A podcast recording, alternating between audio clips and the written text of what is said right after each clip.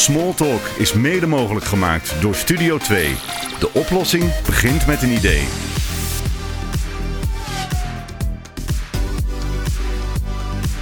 In huis, in de auto, bus of trein. Smalltalk, een podcast over sport en innovatie. Dit is Smalltalk met Ronald Stork.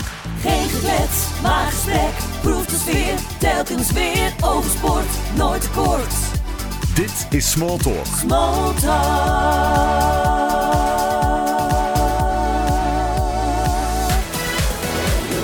Bij Smalltalk aan tafel. En welkom bij een nieuwe editie van Smalltalk. Weer eh, over het zwemmen vandaag en weer Jos van Kuijeren. Ha Jos. Dag Ronald. Ja, op zo'n mooie dag hebben we het natuurlijk over zwemmen. Dat kan niet anders. Ja, ja, ja, ja, ja, ja. En je hebt wel weer een leuk onderwerp, moet ik zeggen. Nou ja, dat is eigenlijk de bedoeling om toch elke dag of elke keer eh, een iets andere benadering van een onderwerp te hebben. Want we kunnen allerlei cijfers op gaan roepen en zo. Maar de historie van Nederland bestaat uit allerlei onderwerpen. Eh, soms ernstige, soms eh, alleen maar om te lachen. Maar je komt in al die tijden toch weer iets tegen dat je zegt van... Goh, hoe is het mogelijk? Ik, wat me nu deze week weer opviel... Er stond een verhaal over Marianne Heemskerk in de krant vanwege het feit dat ze 60 jaar geleden een wereldrecord had gevestigd. En dan denk je, 60 jaar geleden, hoe oud was dat meisje toen? 15 jaar. En ja, dat is dan toch zo opvallend, dat komt in het nieuws. En ook nu is dat weer in het nieuws gekomen door een, uh, een jonge man van het Noord-Hollands Dagblad. En uh, Marianne werd benaderd, want wat doet deze Marianne? Ze is 75 jaar nu en ze brengt nog dagelijks pakketjes rond voor uh, post.nl. Met andere woorden, ze blijft een ondernemend type. Niet uh, gaan zitten achter geraniums. Nee, gewoon weer even praten.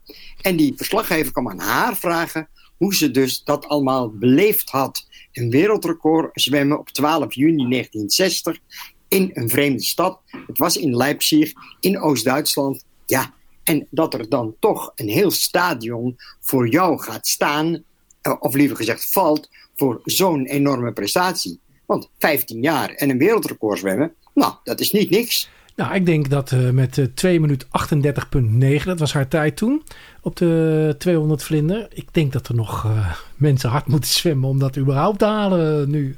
Ja, dat heb ik ook wel gedacht hoor. Ik moet je uiteraard weer even corrigeren. Oh. Eh, het Nederlands record stond toen op 2.38.9. Ja, ja. Dat, was van acht- dat was van Tineke Lagerberg, meisje van, ook van Naarden, een jaar of 17. Het wereldrecord stond toen op 2.37. En die 2.37, dat was ook de startlimiet voor het Nederlands record bij de mannen. Dus toen was het nog meer bijzonder. Zij zwom 2.34.4. Nou ja, dat is dan absoluut een wereldprestatie natuurlijk. Op een afstand, 200 meter vlinderslag, die was best nieuw toen hoor. En niet elk meisje durfde zich daar aan te wagen. Maar ja, er waren er nog een paar in Hilversum die deden dat. Want ja, ze trainden wel wat kilometers en dergelijke. Maar nog niet dat ze eh, echt helemaal uh, verdoofd het water uitkwamen door zo'n training. Maar je komt dan 200 meter vlinderslag aan. Hey, en wie was uh, in de tijd de, de trainer van de Hoe ging dat vroeger? Uh, tegenwoordig uh, heb je natuurlijk de OC's en de, opleid, nou ja, de opleidingscentra's. En, maar hoe, hoe ging dat vroeger? Hoe, hoe ging dat met Marianne in de tijd? Hoe, hoe, hoe werd er getraind? Was het een vereniging? Was het... Ja, het was een vereniging, maar je kon eigenlijk al spreken van een soort zwemcentrum. Want in het Gooi waren twee of drie clubs met trainers of trainsters die gewoon heel goed zwommen. En meestal meisjes, want die zaten nog in een leeftijd dat ja, wanneer je 14, 15 was, dan vond je dat wel leuk om met een groepje dat te gaan doen. En de trainers, eh, dat waren eigenlijk een soort vader- of moederfiguren. En die konden die meiden en die jongens, minder jongens dan, wel zover krijgen dat ze allerlei opdrachten deden. Nou, Naarden werd geleid door Wil van Breukelen. En de Robbe werd geleid door Jan Stender. Wil van Breukelen had ooit gezwommen bij Jan Stender en is later dus ook trainer geworden. En de ideeën van Jan Stender waren van we gaan gewoon veel zwemmen. Maar met veel zwemmen bedoelde hij, je zwemt dus 400 of 800 meter en dat doe je op een bepaald tempo. Mensen die niet uit de zwemsport komen, die denken dan minstens, oh jee, die kinderen worden afgebeuld. Het ging dus om langere afstanden, veel meters maken. Bijvoorbeeld 400 meter achter elkaar zwemmen, 800 meter, ook wel een kilometer achter elkaar zwemmen. En dat was dan een afwisseling van, je deed 200 benen, ook 200 uh, eh, armen of 200 samengestelde slag. Maar dat deed je in een bepaald tempo. En het was niet zo dat je na 800 meter echt zo verschrikkelijk moe was dat je niks anders meer kon. Dat was eigenlijk het trainingsprincipe van toen. Wel heel veel kilometers doen, heel veel meters maken ook. Eh, in de winter in het 25 eh, meter bad. En in de zomer in Krailo, dat was een zwembad in Hilversum van 50 meter. Maar ook in de Loosdrechtse passen. Hey, is, het nou dat, ja, is het nou dat uh, in die tijd, in de jaren 50, uh, de Robbe uh, een beetje hofleverancier was van het Nederlandse en het Europese zwemmen? Ja, absoluut. Dat kun je wel zeggen, want er gingen ook verhalen rond dat er in Hilversum één straat was waar wel zeven wereldrecordhoudsters woonden. Nou ja, ik heb eens uitgerekend, ja, dat kan allemaal wel zijn, maar ja, je kon in die tijd ook wereldrecord zwemmen op de 100 yards vrije slag of op de 150 meter rugslag. Maar Jan Stender had een paar hele goede zwemsters. En wat ik al zei, ze waren jong. Uh, dat waren gewoon meisjes die ook heel goed waren in turnen, als het ware. Met andere woorden, de beweging was niet moeilijk. Ati Voorbij heeft wel eens gezegd tegen mij dat die wordt dit jaar 80 die is ook wereldrecordhoudster geweest op de 100 meter vlinderslag. Ja, de beenbeweging, die dolfijnslag, dat was helemaal niet moeilijk voor ons. En als je dan die armen er ook nog bij deed, dan konden wij dus vlinderslag zwemmen. En daardoor hadden we misschien wel een voorsprong op anderen. Ja, dat we toevallig dicht bij elkaar woonden, dat was niet zo vreemd. Uh, dat had ook in Amsterdam kunnen zijn, maar uh, of in Rotterdam, dan waren wij het niet geweest. Maar nu was het zo, wij woonden daar. We gingen op zwemles eerst en op een vereniging. We hadden meneer Stender, of uh, later dus in Naarden was daar Wil van Breukelen. En op die manier kreeg je een groepje wat het gewoon leuk vond om dat vier of vijf keer in de week te doen. hey, en um, nou dacht ik ook, Marianne is natuurlijk ook naar de Olympische Spelen geweest. Ja, ja. Zij uh, was in 1959 uh, was ze al een goede zwemster. Uh, ze mm, stond op het podium op de 1500 meter vrije slag. Maar ze kon ook best toen heel goed vlinderslag zwemmen. Alleen haar tijd was nog niet zo dat je dacht, nou dat wordt er één. 1.16.5 uh, was haar beste tijd in dat jaar. En bij de Nederlandse kampioenschappen was ze zesde in 1.18.5. Maar wat een Olympisch jaar dan niet voor gevolg kan hebben. Er werd stevig getraind, wat vaker getraind.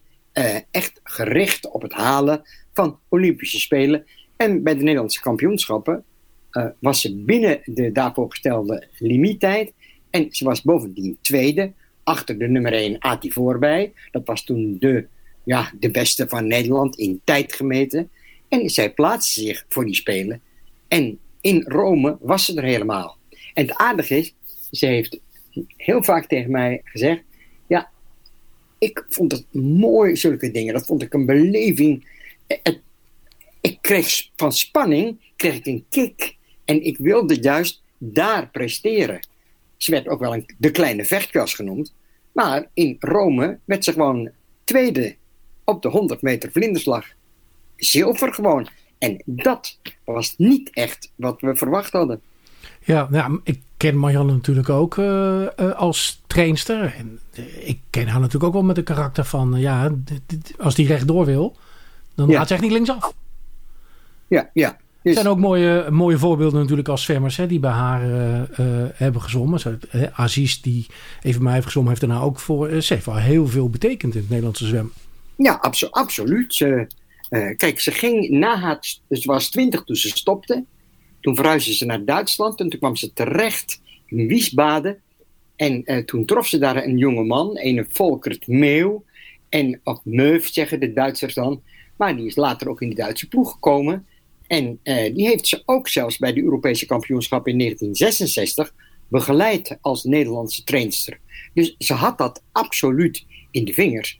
Ook al was ze, dat, dat, dat zegt, ze was in staat om een club of een groep mensen precies op tijd in vorm te krijgen. Waarschijnlijk doordat ze iets kon afdwingen. Ik noem maar wat. Fred Efting, bijvoorbeeld een bekende Nederlandse zwemmer.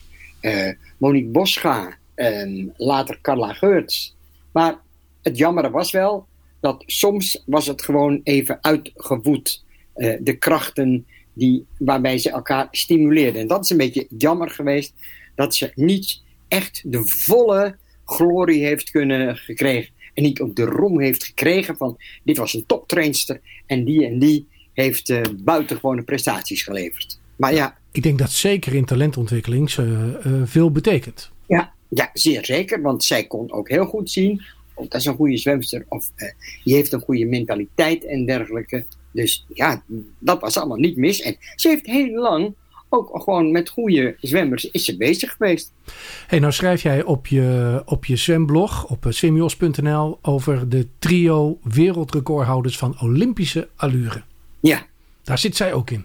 Ja, zij was een van de drie. Want zij won uh, in Rome dus zilver op de 100 vlinder. Maar haar clubgenote Tineke Lagerberg, die ze door nota bene bij de Nederlandse kampioenschap in 1960 uitgezwommen had, die mocht toen niet starten op de vlinderslag in Rome. En die Tineke Lagerberg was Europees kampioen. Die was Nederlands recordhouder op de 200 meter vlinderslag. En die moest in Rome, ja, noodgedwongen, of dat was niet alleen noodgedwongen. Het was een wanhoopspoging voor haar om dat te doen. De 400 meter zwemmen. En wat gebeurt er met deze Tineke Lagerberg? Die gaat gewoon van Akiet af, van we zien wel hoe ver het komt. Die werd op die 400 meter vrije slag derde, dus een bronzen medaille. Nou ja, en de grootste onder de vlinderslagzwemsters was natuurlijk Ada Kok. Eh, ook als 15-jarige in 1962 kampioene van Europa. Een jaar daarna een wereldrecord op diezelfde 100 meter vlinderslag. In Tokio 64 zilver. En vier jaar later Olympisch kampioene in Mexico. Dus zodoende hebben wij een trio zwemsters die onder andere heel goed is geweest op de vlinderslag. Nou, volgens mij hebben we over uh, Ada kunnen we ook nog wel een, uh, een uurtje of wat vullen. Dat staat zeker op mijn verlanglijst. Moeten we zeker even doen. Waar, uh, wat staat er op de volgende lijstje bij jou op swinjos.nl? Nou, ik ben nu vandaag in gedachten gegaan ook weer naar die 60 jaren. Want het leuke was, toen waren er wel eens jongens uit Nederland die in Amerika gingen studeren of daar gingen wonen. Daar ben ik eens naar op zoek. Uh, was in een Bob Kammeijer in 1967. Ja, hij is maar één of twee jaar in Nederland geweest. En later hebben we nog een jongen uit Zuid-Afrika gehad, Peter Preidekker. Die heeft de Spelen van München in 72 gehaald. En we hadden ook nog Roger van Hamburg. Die kwam weer via Singapore uit Australië. We zullen het maar hebben over de Nederlanders uit de landen om ons heen. Nou, gaan we dat doen. Hey, ik uh, wens je nog een fijne avond.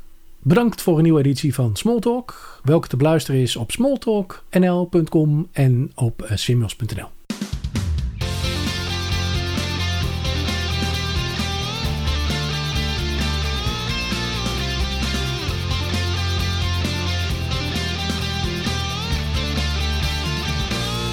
Heb je een vraag voor Smalltalk? Stuur dan een e-mail naar smalltalk.ronaldstolk.nl Smalltalk werd mede mogelijk gemaakt door Studio 2. De oplossing begint met een idee. Dit was Smalltalk voor vandaag.